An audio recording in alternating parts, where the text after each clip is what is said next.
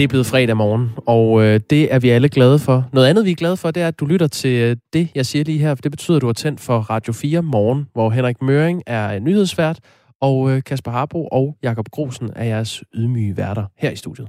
Og så har vi en reporter og journalist ansat på stationen, der hedder Magnus Bang. Han er også nu. Godmorgen, Magnus. Godmorgen. Det koster 23,4 millioner kroner for danske skatteydere, at praktiserende læger har videresendt negative coronatestsvar til borgere, som kunne hedde for eksempel Magnus Bang. Øh, du har fået nogle stykker af de her. Det er jo en historie, vi kaster noget lys på. Hvad står der egentlig i sådan en sms, som koster 46 kroner stykket? Jamen, der står, øh, hej Magnus, der er kommet svar på din coronatest, som er negativ. Det vil sige, at du ikke har corona. Var det en øh, lettelse eller en skuffelse?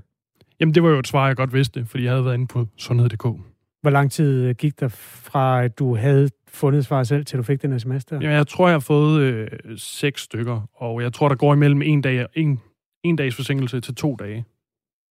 Altså fra svaret ligger på sundhed.dk ja, til, at ja, du får den sms der? Ja. Øhm, står der noget i den der sms, som du ikke øh, kunne have fundet selv, eller som du ikke havde fundet selv? Nej, det eneste, der står, det er, at der er en laboratoriefejl, så de kan komme til at sende det der, den her øh, besked to gange. Jamen, det er der også en af vores lyttere, der påpeger. Ja. Det var så et positivt svar, jeg vedkommende havde fået på sms tre gange. Ja. Okay. Det giver jo god mening. Øhm, forstår du, hvorfor du fik de her svar? Kan du have klikket et eller andet, jeg vil gerne have øh, videresendt øh, sms'er eller sådan noget? Kan det være noget, du har bedt om? Nej, det tænker jeg ikke. Altså, fordi øh, når jeg har været taget de coronatest, så har jeg jo siddet inde på sundhed.dk og opdateret hver øh, anden sekund, for ligesom at få det svar, fordi man jo er selvisoleret og gerne vil ud i verden igen. Var det, fordi du var nær kontakt til en, der havde? Øh, det har været blandt andet fordi jeg var ja. nær kontakt. Så der, man venter jo ligesom på svaret, fordi det, det er ret øh, afgørende for, hvornår du lige kan handle ind og så videre. Så, så har jeg jo ikke krydset af, at jeg gerne vil have, have besked efter, at man kunne få besked. Så jeg er ligesom gået for at få det hurtigste svar, som man kan få ind på sundhed.dk. Okay. Jamen, du er jo kød og blod så i den her sammenhæng på, at øh, det ikke nødvendigvis bidrager med ret meget sådan for den enkelte borger. Vil du, har det gjort noget godt for dig at få dem? Det har ikke betydet så meget, nej. Nej, okay. Jeg har ikke tænkt så meget over det. Nej, okay, men du har heller ikke mistet noget på det. Det har skatteyderen til gengæld. De koster 46 kroner stykket, de her. Tak skal du have, Magnus Bank. Øhm, skal vi, du lovede, at vi skulle rydde op i sms'erne.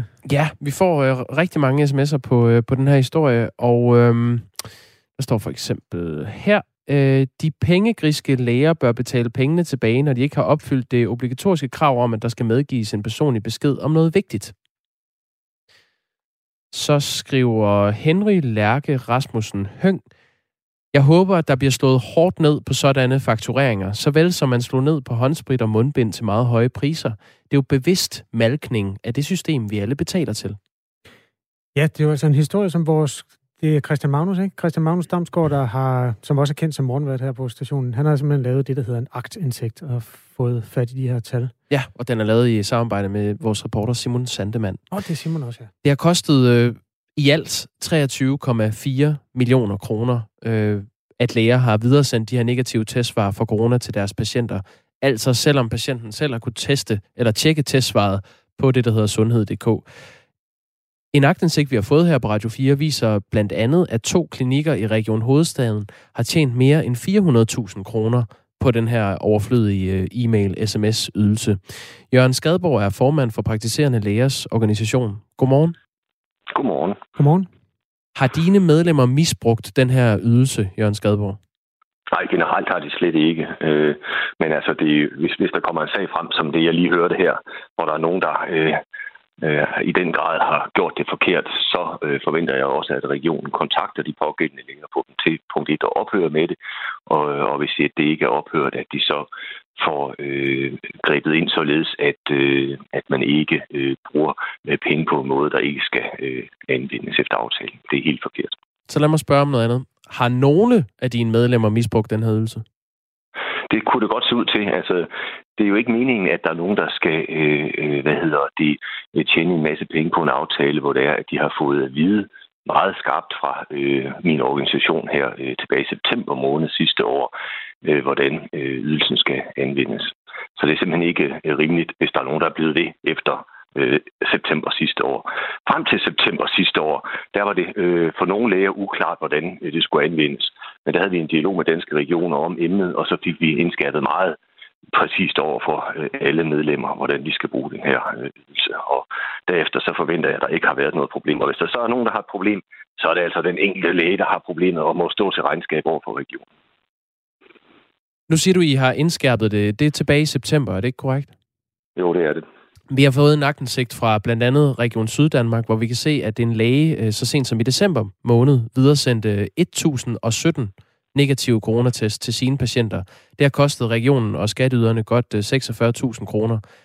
Det er så fra december, så det tyder på, at, at der også er sket misbrug af den her ordning, efter I har indskærpet det. Altså nu siger du tusind og et eller andet antal. Nogle af dem, eller stor del af dem, må vi formode har været negative, men der har sikkert også været nogle positive iblandt. Øh, det, der er det, jo meget ifølge for, vores oplysninger 1017 negative coronatest, der er blevet sendt videre. Øh, jeg ved ikke, hvor du har det tal fra, fordi selve ydelsen, den skældner jo ikke imellem, om man har sendt et, et, øh, et svar på en positiv prøve, sådan som det er, er meningen, eller om man har øh, svaret på en negativ prøve. Det kan man jo ikke se i øh, regionens afregningssystem på hvilket grundlag, at øh, lægen har fremsendt fakturaen. Men hvis man fremsender et meget, meget stort antal øh, fra en øh, lille klinik, så kan man få en berettiget formodning om, at der foregår noget, der ikke skal foregå. Og der vil jeg jo egentlig forvente, at hvis det er tilbage i december måned, at så har Region Syddanmark henvendt sig til den pågældende læge og gjort opmærksom på, at de har et problem i den klinik. Du sagde, Jørgen Skadborg, at øh, det eksempel, du lige havde hørt, at det var forkert. Det var vores kollega, der dannede sådan en form for illustration på, hvordan det her det kunne være udspillet sig. Øh, Magnus Bang ja. fortalte, at han havde fået seks negative svar øh, ja. tilsendt, fordi han bliver testet regelmæssigt. Hvad er det, der er ja. forkert i hans historie? Det er præcist. Øh, den, den, har, den har jeg så ikke hørt med på. Men, øh, hvad var det så for et eksempel, du reagerede på? Du nævnte... Nej, på det. Jeg siger, at hvis I nu har et tal på en klinik, der har sendt 1.000 øh, øh, svar, så, eller øh, taget tusind af øh, ydelse på et givet tidspunkt. Der ved vi jo ikke, hvor mange af dem, der har været på øh, baggrund af en positiv coronatest, men det kan næppe Nej, være men de det er godt klar over. Det, det var noget, vi talte om for lidt siden, det der. Øh, ja. Og det har du jo ja. ret i. Det er jo, der, der er en positiv procent på et eller andet sted mellem øh, 0,5 og 3 procent. Og, og så er der men, selvfølgelig... Med en vis spredning øh, i de forskellige kommuner. Altså, der er meget ja, stor forskel på Jeg, tror, vi, vi fortaber os i noget. Ja, jeg er enig i Jørgen Skadeborg, ja. men det, det er ja. fordi, da vi indledte interviewet med dig, ja. undskyld Jørgen Skadeborg, ja. da vi indledte interviewet med dig, det allerførste, du sagde, det var, det eksempel, jeg lige har hørt, det illustrerer i hvert fald, at der er nogen, der ikke øh, følger reglerne. Hvad var det for et helt eksempel? Bestemt. Hvad var det for et eksempel, du talte om, og hvad var det helt præcist ved eksemplet, der var fejlen? Det var bare det, jeg gerne vil have til at udpensle. Undskyld, jeg er ikke klar over, hvad det er, du har mig til at svare på. Altså, jeg har, I har måske fremført nogle eksempler, før jeg kom på her, som ja. jeg ikke er med på. Jeg tror, at det, det, der bliver henvist til her, det er de to klinikker i Region Hovedstaden, der har tjent mere end 400.000 kroner på den her øh, ydelse. Ja, altså hvis jeg, medmindre der er øh, tale om nogle ekstremt store klinikker med rigtig, rigtig mange patienter, så kan det jo ikke lade sig gøre at øh, have så mange uh, positive øh, øh, coronasvar i en klinik. Så der er noget galt i de pågældende klinikker, og det forventer jeg helt klart, at Region Hovedstaden øh, har, allerede har kontaktet de pågældende klinikker for at få rettet op på det og få reguleret øh, tilbage, hvis det er, at de har sendt nogle regninger, de ikke skulle sende. Det må vi helt klart forvente, og det er mit hovedbudskab, det er, at øh, hvis der findes nogle enkelte klinikker rundt omkring, der der øh, har misforstået noget, og blive ved med at misforstå det på trods af øh, grundig vejledning fra min organisation, jamen så skal øh, regionen helt klart, som regionsopgave er, nemlig henvise, øh, slutter henvende sig til øh, den pågældende klinik og få det stoppet, og også eventuelt øh, rejse tilbagebetalingskrav, hvis det er, at det er øh, helt forkert, det der er foregået. Du er jo selv øh, praktiserende læge, øh, Jørgen Skadeborg. Har, har du videre sendt et negativt kronesvar, og så taget de her 46 kroner for det? Det er sket en meget sjældent tilfælde. Altså for eksempel, hvis det er, at øh, jeg ved, at, øh, det har forbindelse til en øh, konkret behandlingssituation, jeg har med patienten, hvor det er vigtigt at få afklaret, hvad der foregår. Altså det her, og ikke corona, derfor går vi videre sådan og sådan. Så det har haft en konkret kontekst. Ellers er det ikke noget, vi har øh, brugt i nævneværdig grad i min egen klinik. Og det er jo der, hvor man kan tale om øh, øh den formulering, at det er fagligt indiceret. Altså det er kun i de tilfælde, at man kan opkræve ja. et, et gebyr. Regionerne har jo af flere omgange indskærpet over for de praktiserende læger, at øh, de praktiserende læger, øh, citat, skal være opmærksomme på, at ydelse 4484 ikke skal indsendes i afregningen ved hvert negativt svar, men udelukkende, når der er konkret behov for at videregive supplerende information til patienten. Og så står der så videre i præciseringen, Da borgeren selv kan finde prøvesvar på sundhed.dk, skal lægen som hovedregel ikke sende en e-mail, når borgere får et negativt testsvar, medmindre lægen vurderer, at der er et konkret behov for supplerende øh, information. Hvorfor, ja, tror du, hvorfor har det været nødvendigt for regionerne også at indskærpe det her, tror du? Altså, vi skal jo spole helt tilbage til foråret sidste år, hvor det var, at man øh, øh, uden øh, aftale med os og mod vores øh, ønsker og råd indførte, at vi lige pludselig fik tilsendt hundredvis af øh, prøvesvar i vores indbakke dagligt. Og der blev vi nødt til at lave en øh, aftale med det offentlige om, hvordan vi håndterer den situation. Og det foregår det stad, desværre stadigvæk, at når vi møder ind om morgenen, så kan der være hundredvis af øh, ligegyldige svar i vores indbakke, som vi så skal sidde og sortere fra for at finde den ene positive. Så der lavede vi den her aftale, der skulle sikre, hvordan vi så håndterede de her øh, svar, og også fik honoreret det øh, store arbejde, der er med det. Men der har både danske regioner og øh, vi selv i PLO gentagende gange øh, vejledt medlemmerne om, at de ikke skulle øh, sende regninger for de negative svar, undtagen i undtagelsestilfælde, som du gennemgik. Og det er der bare nogle klinikker, der har svært ved at finde ud af, på trods af vejledning. Mm. Og de klinikker, der stadigvæk har svært ved at finde ud af det, de øh, kommer til at at høre fra regionen, hvis ikke de allerede har hørt fra regionen, og jeg regner med, at øh, nogle af klinikkerne også kommer til at skulle betale, tilbagebetale større eller mindre beløb til regionen. Ja, Bo Liebergren, som er region, øh, regionsrådsmedlem for Venstre i øh, Region Syddanmark, øh, siger sådan her om, om den måde, som øh, de praktiserende læger har forvaltet aftalen. Det er selvfølgelig uacceptabelt, fordi det er jo ikke meningen, at man skal kunne hæve skatteborgernes penge for at lave et øh, samlebåndsarbejde uden værdi for patienterne. Vi talte med ham øh, tidligere på morgenen, og han var heller ikke afvisende over for, at øh, det, det kunne godt blive en løsning, at man øh, simpelthen beder om at, at få tilbagebetalt de her penge. Mener du, at, at lægerne bør tilbagebetale den del af honoraret, som man uretmæssigt har opkrævet? Jeg synes, at Bo Liebergren er rigtig øh, pæn og flink, når han siger, at det, ikke, at det kunne komme på tale. Altså, det undrer mig faktisk, hvis at regionerne ikke allerede har henvendt sig øh, til de klinikker, der der øh, afviger for meget her, og sørge for at få det øh, stoppet, og eventuelt øh, tilbagebetalt for de klinikker, der, der ligger helt ude i de ekstreme. Så, så det, det forventer jeg egentlig, at regionerne de har det op til den øh, opgave, de har med at, øh, at kontrollere, at, øh, at øh, enkelt praksis de anvender øh, vores aftaler helt korrekt. Skal der være andre konsekvenser for, ja. for de læger, der har misbrugt ordningen? Det kommer jo helt an på øh, de konkrete omstændigheder, og det er jo noget, som, som regionen øh, skal øh, tage stilling til, og så kan de jo bringe det op i øh, de, det, der hedder samarbejdsudvalg, hvor man øh, i dialog med os finder ud af, hvordan man skal håndtere de enkelte sager. Men altså trin 1 er jo, at regionen i, i første omgang helt konkret overfor hver enkelt læge, der måtte have gjort det her øh, på en uhensigtsmæssig måde, sørger for at øh, fortælle dem, at det er ikke sådan, de skal gøre, og at de skal stoppe med det, og hvis de har gjort det efter, de har fået det at vide, så skal der jo øh, sanktioneres på den ene eller den anden måde. Vi har så fået post fra en lytter, der faktisk fortæller, en lytter, som også er praktiserende læge i Region Midtjylland, som fortæller, at øh, vedkommende har allerede for tre måneder siden fået afvist udbetaling af sådan en øh, regning. Så det finder altså sted. Der er nogle regioner, der rykker hurtigere end andre. Øhm, ja. Politikeren det, det fra Venstre øh, var fra Syddanmark, som du talte for, for lidt siden. Ja. Ja, altså Region Midt har, har gjort det øh, ekstraordinært. De helt havde stoppet udbetalingen på et tidspunkt øh, for at sikre, at det her det fik en, øh, et øh, fornuftigt leje, ikke? og andre regioner har måske været lidt mere trænet med at, øh, at stoppe det. Nu skal jeg sige, at den her aftale, det er en meget midlertidig corona-aftale, som jo afviger betydeligt fra den måde, vi normalt laver aftaler på. Den er indgået i al hast, og det har været nødvendigt at være i løbende dialog både med danske regioner og medlemmerne om, hvordan man skal bruge den. Og som noget helt ekstraordinært, så står der, at den aftale her, den kan opsiges med syv dages varsel. Og jeg må sige, at hvis det er sådan noget, der skal give min, øh, min øh, stand øh, eller min branche øh, så meget negativ omtale, fordi der er nogle enkelte læger, der ikke kan finde ud af at bruge den øh, fornuftigt, så øh, for de små penge, der samlet set for branchen er i det her, så vil jeg overveje, om ikke man skal opsige aftalen, fordi det, det giver jo slet ikke mening at have en aftale, der skal påkalde sig så meget negativ opmærksomhed. Nej, det har kostet altså 23,4 millioner kroner, øh, danske skattekroner, at, at læger har videre sendt de her negative øh, testsvar for corona. Der var en lytter, der skrev tidligere, Jørgen Skadborg, at øh, han kom til at tænke på, øh, på øh, hvor man har øh, set nogen sælge håndsprit og mundbind til meget høje priser, altså hvor man lukrerer på en, øh, en epidemi. Hvilken smag har du i munden over den her historie? Jeg har en rigtig dårlig smag over de enkelte klinikker, der har øh, misbrugt en øh, aftale, som ellers havde til hensigt at det store flertal af praktiserende læger skulle kunne håndtere ikke kun negative prøvesvar, men altså også positive prøvesvar. Og det er det, jeg regner med, at den er blevet brugt til de allerfleste klinikker, nemlig til at honorere det store arbejde, der er med at kontakte patienter, som har en øh, positiv coronatest, således man kan forklare dem, hvordan de er stillet og hvad de skal gøre. Og øh, så, så det er jo ikke korrekt, at alle øh, 23 millioner er gået til negative prøvesvar, men der er nogle klinikker, der åbenbart har brugt en betydelig mere øh, større andel af øh, kagen her, end øh, de var berettiget til, til noget, som ikke giver mening og værdi for patienterne.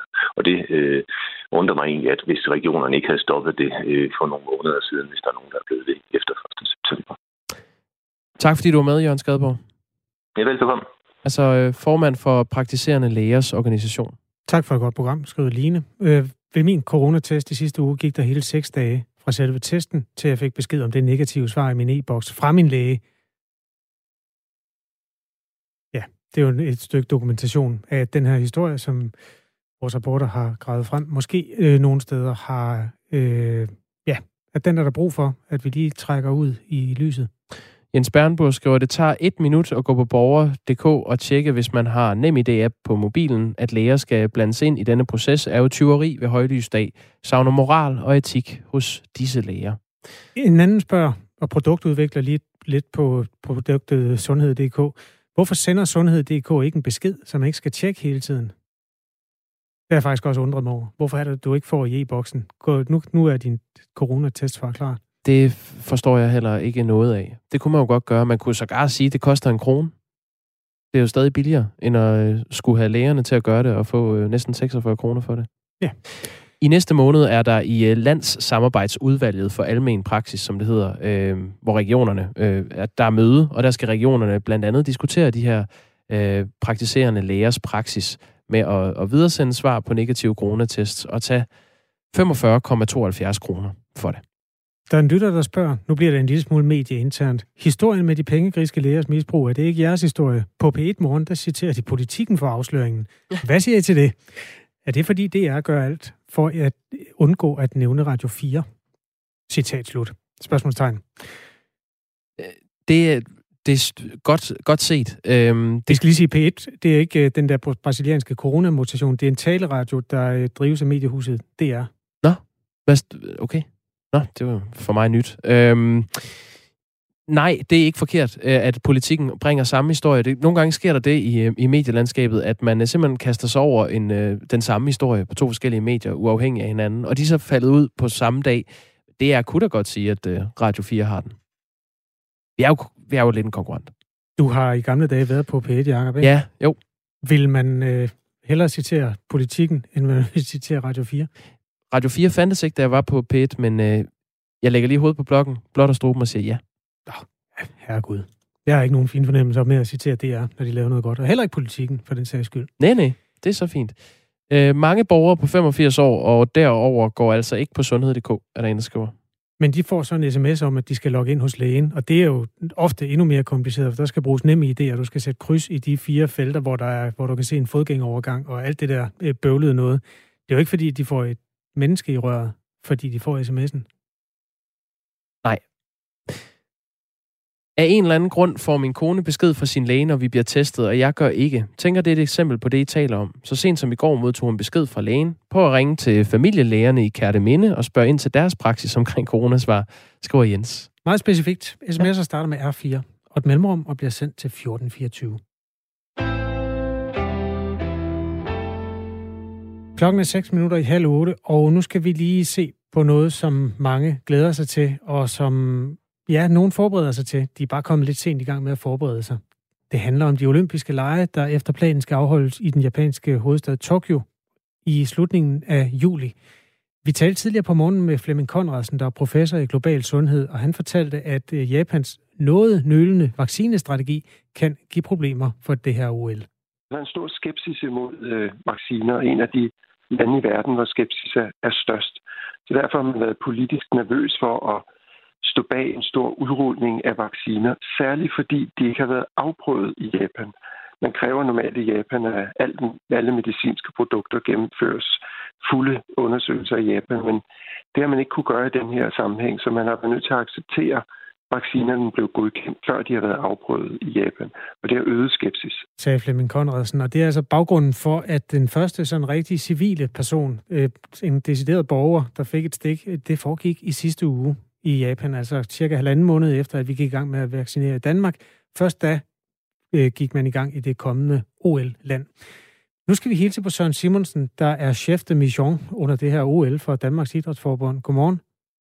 Godmorgen. 90 danske atleter skal efter planen deltage i kampen om OL-medaljer, hvis der bliver sådan et øh, OL overhovedet.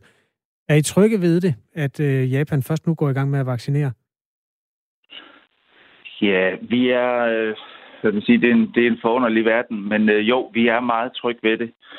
Øh, vi har nogle øh, store organisationer, der står bag det her OL, IOC, sammen med Japan og ikke mindst WHO, som jo arbejder tæt sammen med de to øh, organisationer her, lande og organisationer, som øh, ja, på den måde, der, der føler vi os faktisk ret trygge. Vi har talt med en bryder, der hedder Frederik Holmqvist Bjerrehus. Han tror stadig på, at der kommer OL til sommer, men han undrer sig nu noget over Japans beslutning om først at vaccinere nu. Lige nu er han jo et, øh, på træningslejr i Ungarn. Det kan godt øh, høres på forbindelsen her. Jamen, det er lidt øh, forbavset over, faktisk. Øh, jeg troede, de var, de var faktisk noget længere end, øh, end nogle andre lande, fordi når de skulle øh, afholde det her OL. Øh, så det vidste jeg faktisk ikke. Det kommer lidt bag på mig. Det er stadig lidt underligt at tænke på, at øh, der ikke er ret mange vaccinerede, synes jeg. Sådan for sikkerheds skyld og ja, sundheden i det hele taget. Der er mange, altså 90 danskere, der glæder sig til at komme til OL, og han er en af dem, Frederik Holmqvist Bjerrehus.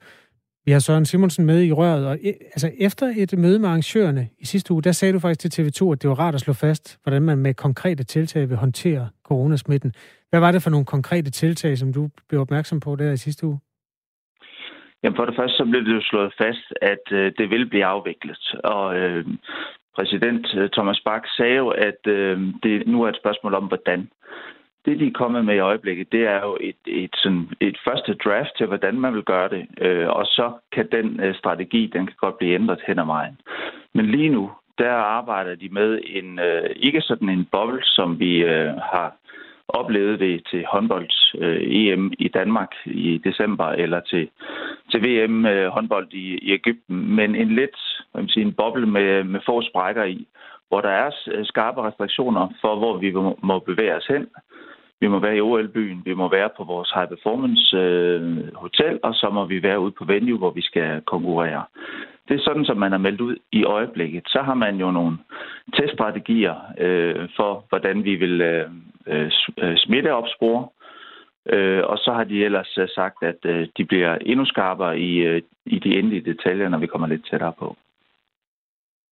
En meningsmåling øh, viser altså, at 80% af japanerne mener, at OL bør udskydes eller aflyses. Det hænger blandt andet sammen med det her, at øh, første sundhedsansatte fik et stik i onsdag, så den almene befolkning først øh, løbende vil blive øh, stukket, og formentlig først i starten af juli vil man gå i gang med den brede befolkning. Det er så dem, som OL-atleterne ikke skal have noget med at gøre.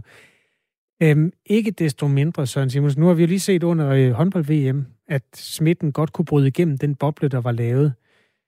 Har du tillid til, at et øh, OL, der tæller mere end 150 nationer, over 11.000 atleter, plus øh, hvad der ellers er med af revl og krat og officials osv., at man kan begrænse øh, bevægeligheden nok til, at der ikke kommer coronasmitte der? Ja, det har jeg faktisk. Øh, netop igen, fordi det er nogle, øh, nogle øh, ret, ret stærke, markante organisationer, der står bag det her arrangement. Og så foregår det nemlig i et land, hvor mundbind jo øh, var hyppigt set, før corona øh, blev udbredt. Så vi kommer til et land, som vil øh, gøre alt, hvad de kan for at øh, undgå at smitte en eneste atlet med en, øh, en befolkning, som jo er, er enormt venlig og, øh, og høflig og lever op til de ting, som man bliver øh, budt af staten. Så, øh, så jeg tror i virkeligheden, det er det aller, allerbedste land at tage til, også selvom man måske ikke er så langt med, øh, med vaccinationen. Søren Simonsen, på en skala, øh, hvor mange procent sikker føler du dig på, at der bliver OL i 2021 i Tokyo? 0 til 100?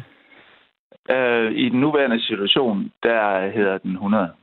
Tak fordi du var med. Chef de mission i Danmarks Idrætsforbund i forhold til det her forestående OL, som altså i den optik med 100% sikkerhed starter i slutningen af juli måned. Velbekomme.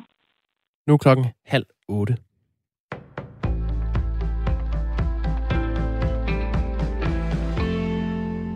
Praktiserende læger tjener millioner på negative coronasvar, som borgerne selv kan finde på nettet. Lægerne har siden juni kunne opkræve et gebyr fra regionerne, hvis de sender en mail til patienterne om, at deres coronatest er negativ. Det sker selvom borgerne kan finde oplysningen på sundhed.dk, det fortæller Radio 4 morgen. Lægerne har for hver meddelelse kunne opkræve omkring 46 kroner, og det løber op – Regningen lyder ifølge tal fra danske regioner på 23,4 millioner kroner. Bo Liebergren, der er næstformand i regionernes lønnings- og taksnævn, kalder det uacceptabelt. Fordi det er jo ikke meningen, at man skal kunne hæve skatteborgernes penge øh, for at lave et øh, samlebåndsarbejde uden værdi for patienterne.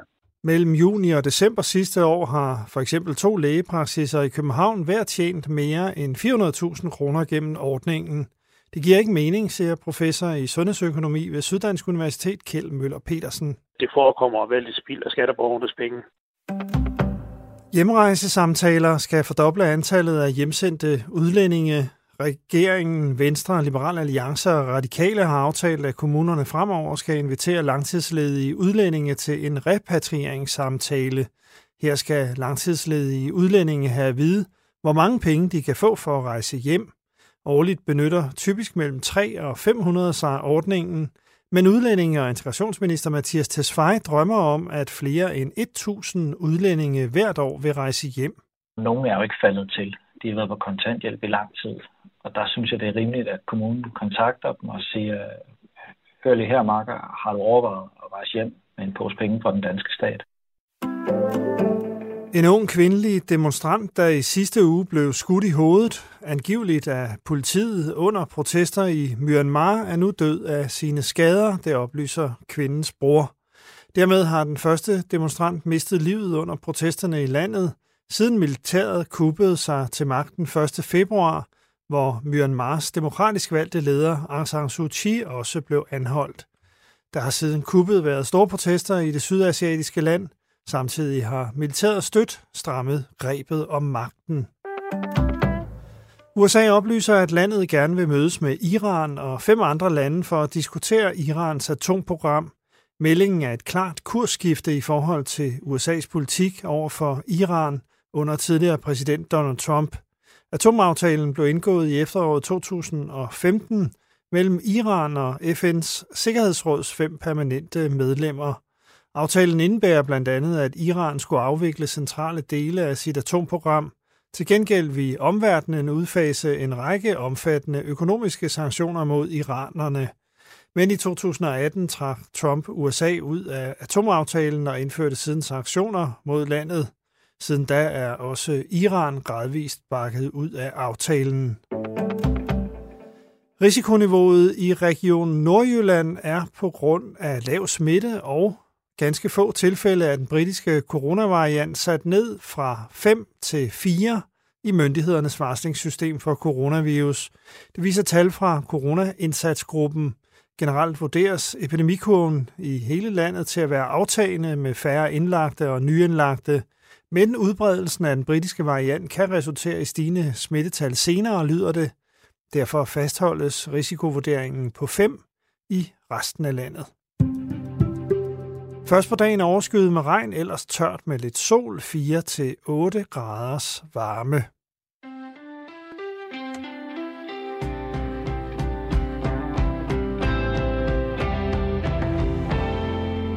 Godmorgen, klokken er 7.34. Du har tændt for Radio 4 morgen med Jakob Grosen, Kasper Harbo og nyhedsvært Henrik Møring, hvor vi i dag jo, som er blandt meget andet, øh, flyver hen over historien om, at lægerne har tjent øh, nogle gode penge, og nogle steder lidt for mange penge på at videresende coronatestsvar.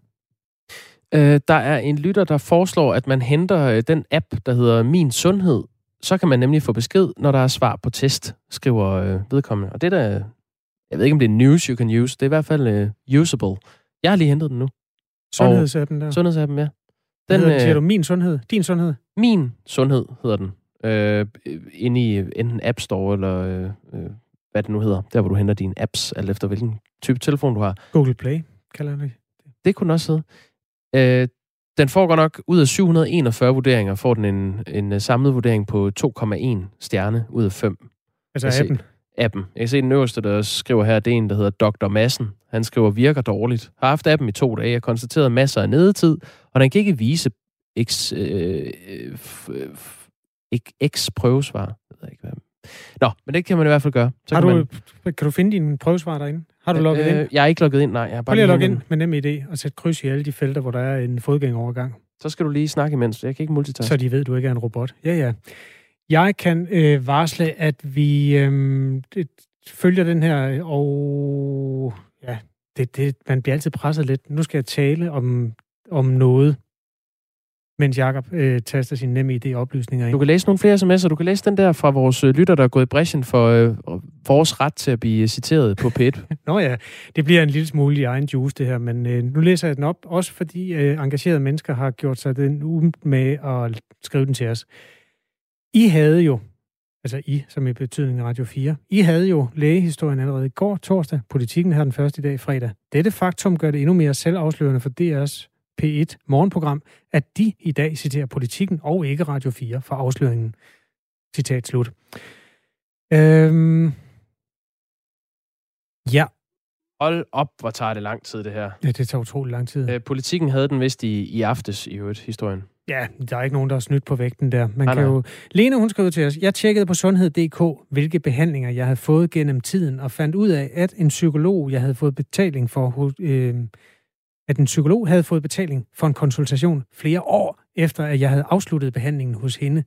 Kan vide, hvor mange der malker regionerne på den måde. Alle burde tjekke det, er holdningen hos Lene, der er skrevet til os. Og nu, for åben øh, mikrofon, har vi lavet en øh, lille sådan Trustpilot-test af min sundhed-appen. Jeg vil sige, at den virker upåklageligt. Har du corona? Er Nej. jeg interesseret i? Ikke påvist Nå, okay. med seneste. Nå, det er så det er, og det betyder altså negativ i øvrigt. Og der kan man simpelthen gå ind og sætte en lille notifikation, øh, så man får en notifikation, når man har svar på sin test. Det er jo smart, og så kunne man på den måde spare næsten 46 kroner ved, at lægen ikke skulle sende en e-mail eller sms. Og man kan spare en masse tid, og det var der, den undren også begyndte lidt. Fordi når man har været inde og få fortsat den der PCR-test, så har man hidtil, altså i vores øh, begrænsede udsyn, selv skulle sidde og trykke F5 på den der sundhed.dk hjemmeside, mens man ventede på, at testresultatet kom. Der kan man altså få en lille pop-up, hvis man bruger den app, der hedder Min Sundhed. 23 minutter i 8 er klokken på øh, denne fredag.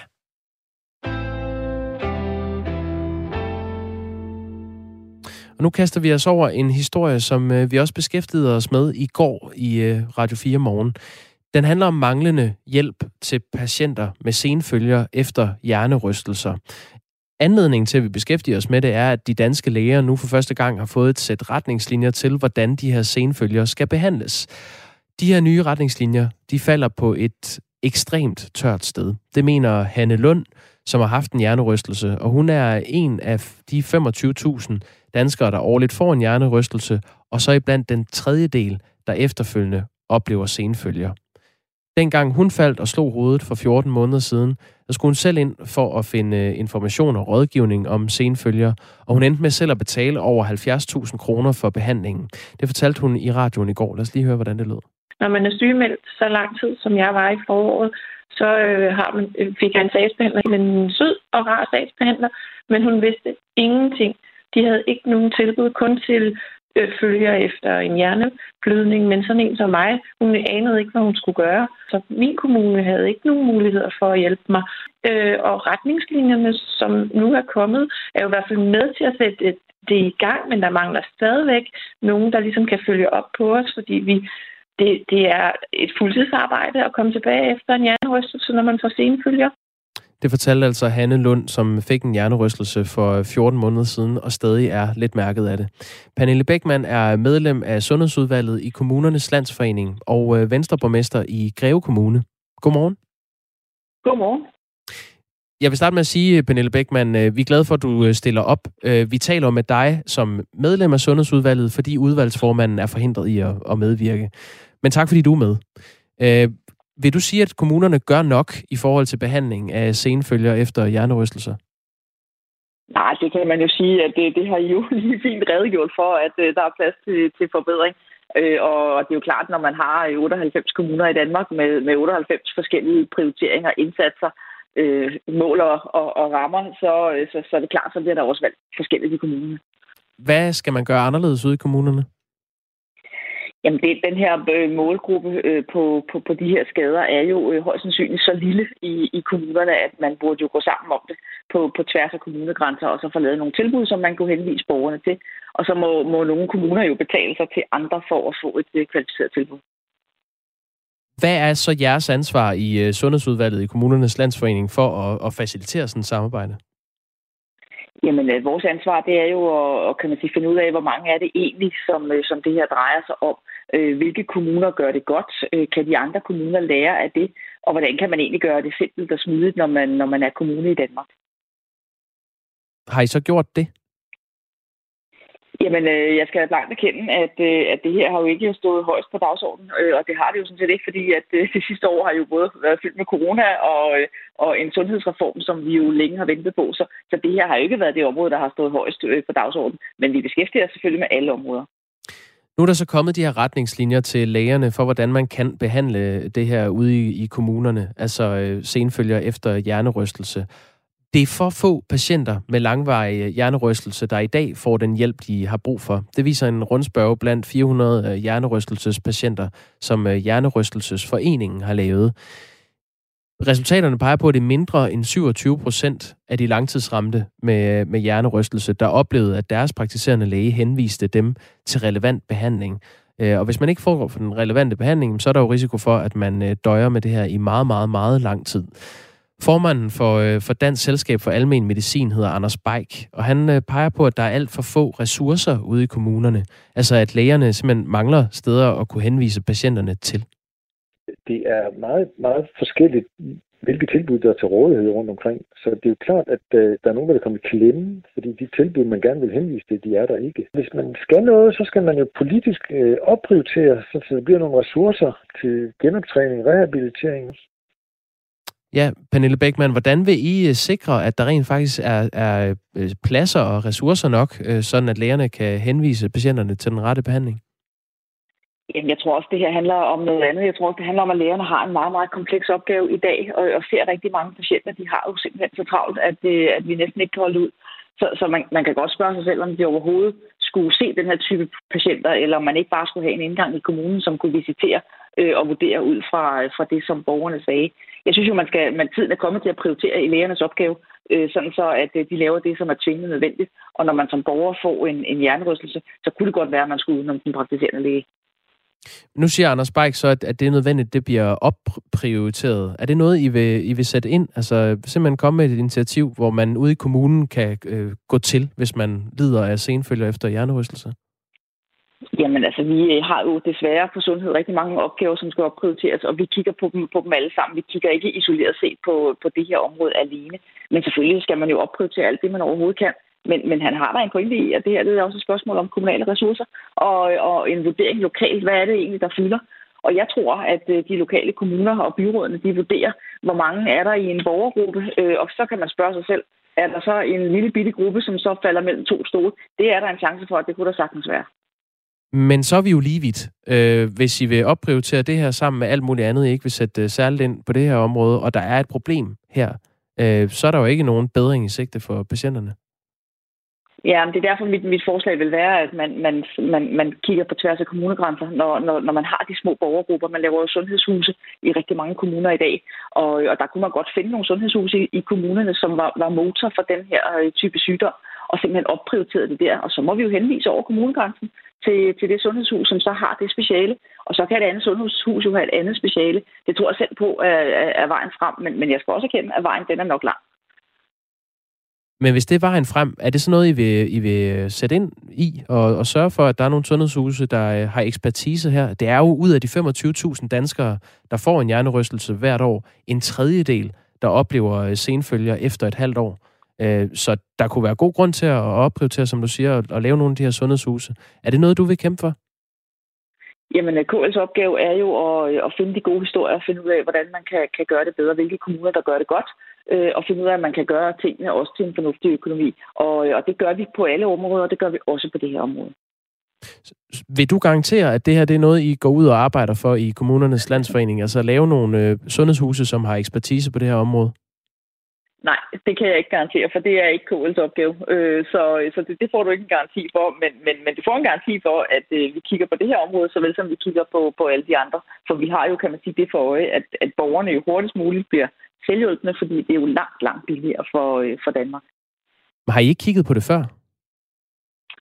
Jamen altså, nu har vi de sidste år, kan man sige, jeg har været med i KL Sundhedsudvalg de sidste fire år, og de sidste år til halvandet har stået i coronaens tegn, øh, hvilket jo er, er, er godt for noget, og så er det jo skidt for en masse andre områder.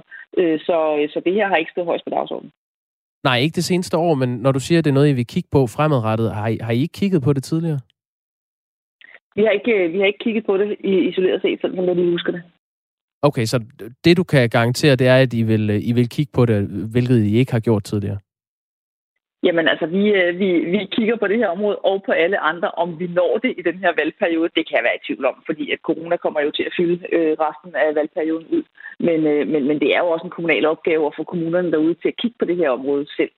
KL har jo bare en koordinerende funktion. Det er jo kommunerne, der skal lave, øh, kan man sige, tilbud lokalt. Øh, og, og det, det er klart, det skal der selvfølgelig være en opfordring til, at, at man gør.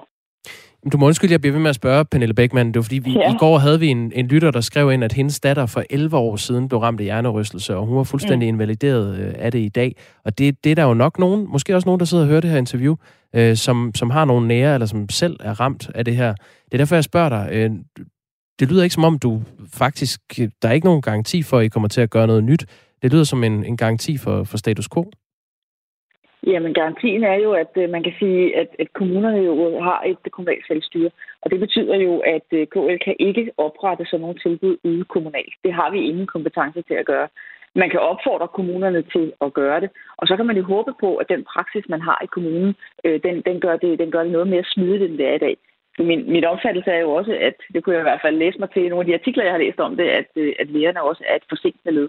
Så KL har ikke til opgave at, øh, at, at, at lave de her tilbud. Vi kan kun styrke det, vi kan kun øh, opfordre til, og så er det altså det lokale byråd, man, man skal have fat i at spørge, om de ønsker lige præcis på det her område øh, og, at sætte ressourcer af til det.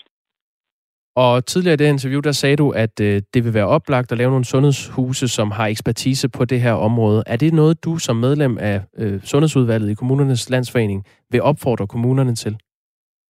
Jamen, vi er et helt sundhedsudvalg, som skal, som skal være enige om, hvad vej vi, vi, vi arbejder. Men, øh, men det er klart, at det kan man sagtens. Det kunne man godt forestille sig, at jeg vil drøfte det. Det er noget, du vil kæmpe for i Sundhedsudvalget? Det vil jeg drøfte med min, øh, min partikollegaer, skulle jeg til at sige, Sundhedsudvalget, og så finder vi, øh, så finder vi ud af, hvordan vi, øh, vi, vi tager hånd om den opgave. Tak fordi du var med, Pernille Beckmann. Selv tak. Borgmester i Greve Kommune, valgt for Venstre, og medlem af Sundhedsudvalget i Kommunernes Landsforening. Klokken er 7.48. En af vores lyttere foreslår, at vi lige bruger et par ord på at tale om den nye forsker. Har du hørt ham? Eller set, han kommer til landet? Der taler om en meget, meget flot mand. Øh, han har en meget lys stemme, og han forsker øh, primært i håndbold. Uh, har han øh, flot langt hår? Ja, det er det, det, det med frisørerne. De har jo holdt lukket så længe. Mikkel Hansens hår lige nu en ulykke. Det er Mikkel Hansen. Ja, jeg er helt med. Nå, men det er fordi lytteren her skriver, har I nævnt, at håndboldprofessor Mikkel Hansen kommer hjem til Danmark på forskerordning? Lytteren øh, beskriver, hvordan forskerordningen, den er jo øh, lavet med baggrund i, at man skal kunne tiltrække øh, fint uddannede videnskabsfolk og sundhedspersonale osv. osv. Men den bliver også brugt flittigt i sportens verden. Og hvorfor? Fordi det handler om beskatning. Man kan slå sig ned og betale en brutoskat på 27 procent plus arbejdsmarkedsbidrag. Og det svarer så, når de to tal er vægtet, til at man betaler 32,84 procent af sin løn i syv år. Altså at man ligger på en øh, trækprocent dernede øh, i starten af 30'erne. Det er der rigtig mange mennesker i Danmark, der ikke har. Og det er simpelthen øh, grunden til, at øh, den her lytter synes, man skulle diskutere, om Mikkel Hansen skal kaldes professor i håndbold, eller om man måske skulle lave ordningen om. Det er sgu en meget god sms. Det synes jeg, der er en, øh, en væsentlig øh, overvejelse at drøfte i radioen. Mikkel Hansen han skifter fra en af verdens bedste håndboldklubber, Paris Saint-Germain, til nordjyske Aalborg håndbold, som øh, ja, jo gerne vil være øh, totalt med i toppen af europæisk håndbold. Hvordan det så har kunne lade sig gøre økonomisk, er jo med baggrund i blandt andet det her. Øhm, ja. Jeg så et interview med Mikkel Hansen, hvor han blev øh, spurgt, øh, hvorfor han havde valgt Aalborg håndbold, og så sagde han blandt andet, at det var fordi, han også havde fået stillet en garanti for, at der ville komme flere stjerner, komme endnu bedre spillere til, til klubben. Så det kan jo være, at der er flere på vej på forskerordninger. Flere gode forskere. Flere doktorer. Hvornår åbner frisørerne igen? Det tænker jeg, hver gang jeg ser Mikkel Hansen. Det kan altså være meget pænt at have langt hår. Ja, det kan det da godt. Men... Nå, 10 i 8 er klokken. 10 i 8 er.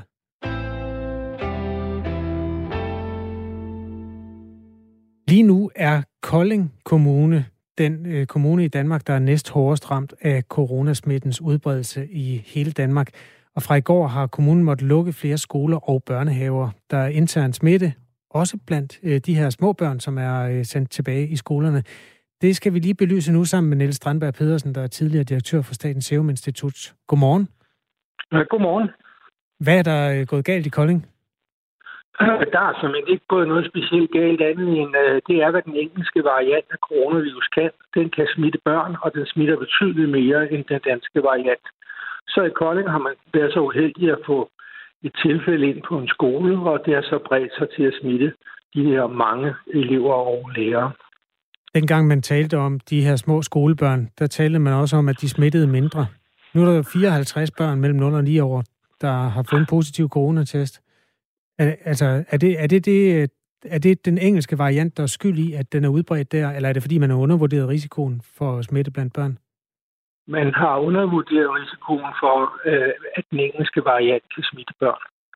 Og øh, den er jo cirka 50 procent mere smitsom end den danske. Og det er den formentlig også hos børn. Og det betyder, at pludselig bliver børn lige så smitsomme som voksne. Der er knap 200, der er smittet i alt i Kolding Kommune, og godt en fjerdedel af dem er altså øh, mindre børn. Kommunen har det, der hedder et incidenstal, øh, som er et tal, som i gamle dage, der brugte man skillelinjen omkring de 30, og sagde, at hvis et land havde en incidens på 30, så kunne man godt rejse dertil. Siden da er der løbet meget coronavand i åen, og de fleste danske kommuner har været op øh, på 60 incidenstal.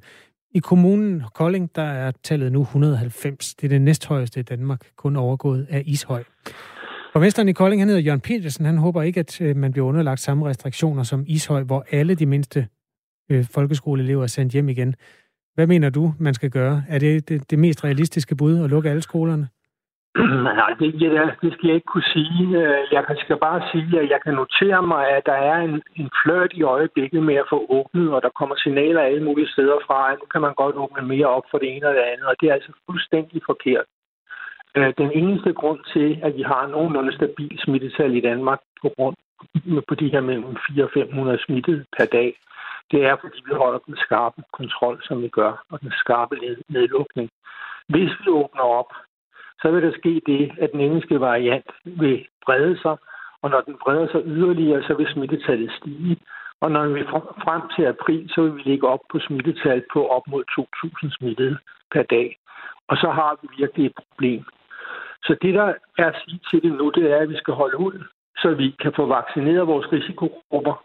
Og når risikogrupperne er dem, der er mest sårbare i det hele taget, øh, er vaccineret fuldt ud, så kan man måske begynde at tale om en oplukning, men det vil så være en oplukning, hvor man vil se smitte i samfundet.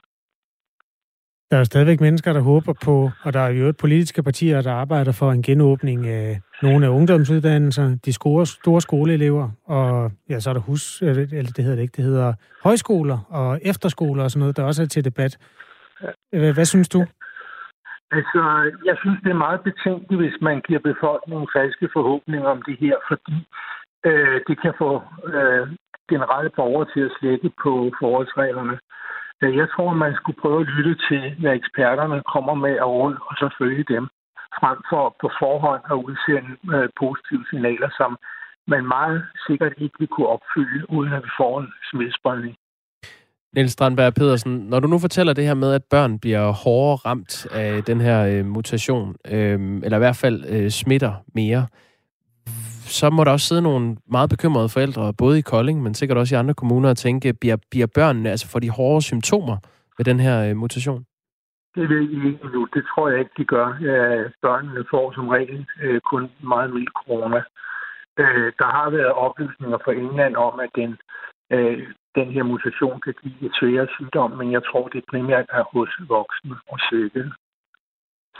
Øh, så jeg tror ikke, forældrene øh, behøver at være bekymrede. Og jeg kan jo også konstatere noget af det, man vil i nær fremtid, det er, at man vil lave en øget testindsats i skolerne, så børnene bliver testet øh, løbende, og, øh, og lærerne bliver testet løbende, og det er da en god idé.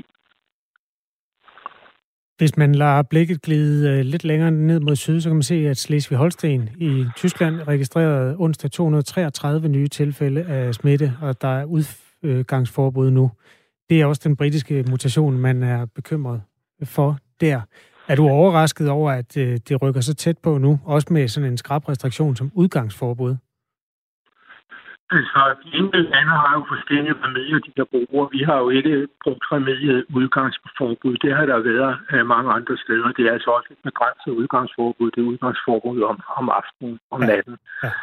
Øh, men øh, det er jo ikke et redskab, som vi har brugt, og jeg ved simpelthen heller ikke, hvor meget effekt det vil have. Øh, vi har nogle problemområder på Vestegnen, Ishøj og sådan nogle ting. Og, øh, og der kunne man jo sige, jamen, var det en idé at indføre udgangsforbud der?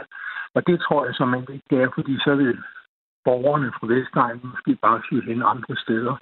Jeg tror derimod, man skal kigge meget på de steder, hvor folk forsamles, og øh, stille større krav til, at der ikke må være så mange i centrene, og man kan måske også lukke centrene ned øh, mere, end man har gjort. Øh, og, øh, og simpelthen gå ind og angribe det på den måde. Men ingen udgangsforbud, det tror jeg ikke på. Tak skal du have, Niels Strandberg Pedersen. Tak fordi du var med. Ja, selv tak. Tidligere direktør for Statens Serum Institut. Ved du, hvad ligheden er mellem Kolding og Ishøj? Nej. Der ligger en bilka. Jeg siger det bare. oh, ja. Det er fredagshumøret. Nej, det er faktisk øh, temmelig faktuelt, og det bliver også diskuteret nogle steder i visse kredse. De der store butikker med indkøbsoplevelser, skulle man overveje, om det er vejen frem, at man... Ja, altså, det der problemet er jo, at der sælges tøj, der sælges sådan ting, hvor der, der kalder på det der shopping-gen, hvor man hænger lidt mere ud og måske røre lidt mere med tingene og sådan noget. Mm. Skulle vi reducere dagligvarerhandlen til, at man kun kan købe flåede tomater og kyllinger og sådan noget, så folk fingererede lidt mindre, og måske hang lidt mindre ud, når de handlede. Det øh, synspunkt er blevet luftet i debatten også. Det er det, jeg siger. Det er det. Jamen, nå, nå, det er fuldstændig, øh, det er faktuelt korrekt. Igennem længere tid i øvrigt. Gennem en længere periode. Ja. Nå, men så tillader mig at finde øh, det lille fredagssmil frem. Øhm, det er det en artikel på BT. Har du undret dig? Derfor følger Inger Støjberg disse hundeprofiler på Instagram. Nej, det har jeg ikke. Nå, jamen så kunne du tage og høre øh, Instagram-stjernen Anders Hemmingsens øh, podcast Helt væk med Hemmingsen, som udkommer hver tirsdag på øh, BT. Fordi der har Inger Støjberg nemlig været igennem på en telefon, øh, for, må man forstå. Hvor hun har fortalt, at hun øh, følger en masse øh, hundeprofiler på Instagram. Hun følger også øh, Sofie Linde. Hun følger øh, Paradise Hotel-stjernen Philip Maj. Og så følger hun Pia Kærsgaard. Men det er især øh, profiler med fokus på hunde, øh, som Inger Støjberg følger. Hvorfor tror du, hun gør det, sidder du nok og tænker? Og nu skyder jeg bare helt fuldstændig lidt langt udefra. Øh, kunne det være, at hun er interesseret i hunde? Er hun, hun har en hund måske? Uh, ja. Øh, Nå, nej, det, nu har jeg aldrig. Hun, Ja, hun forklarer, at hun for det første elsker at se sjove hundevideoer, og at de altid hjælper hende med at komme i bedre humør. Hvis alting er lidt bøvlet, så ser jeg lige 10 hundevideoer, inden jeg skal i seng. Så er jeg i godt humør igen. Jeg ser måske også fem om morgenen, siger hun. Det kan jeg godt forstå, sådan lige pt. Hun fortæller, at hun selv havde en uh, golden retriever, som hun på tragisk vis mistede for tre år siden ved juletid. Nej. Det er en forfærdelig historie, for det var faktisk katten, der tog livet af hunden, indleder hun sin, sin historie med, med henvisning til sin forældres nabos kat. Her kommer beskrivelsen. De, altså hunden og katten, havde haft et fuldstændigt indædt had til hinanden, og det endte med, at katten slæbte skrovet fra julegåsen op af skraldespanden og gav det til hunden, og det kan hunden ikke tåle, så jeg sad på dyrehospitalet juleaften, hvor den skulle opereres, og det endte med, at den døde. Det er helt forfærdeligt. Jamen, det er helt forfærdeligt. Det er helt forfærdeligt, Jacob. Øh, hvad skete der så? Øh, så tilføjer hun, at hun til sidst var hjemme og besøgte sin mor, og der mødte hun så den omtalte kat. Den, den sad på hendes trappesten og lignede en konge. Jeg har haft kig på den kat mange gange, men den er stadig i live. den havde åbenbart flere liv end hunden, slutter Inger Støjberg. Hvorfor hulen er det, at hele mediet Danmark har stået og skrejet, Inger Støjberg, vi vil gerne interviewe dig, og så stiller hun op i helt væk med Anders Hemmingsen for at fortælle om øh, kattevideoer, hundevideoer. Det er, øh, det er måske det bedste spørgsmål til den artikel. Er det for noget? Men Nå. øh, ja, det var fredagshumøret. Se en hundevideo. Du bliver gakkelovet af det. Du lytter til Radio 4. Klokken er 8.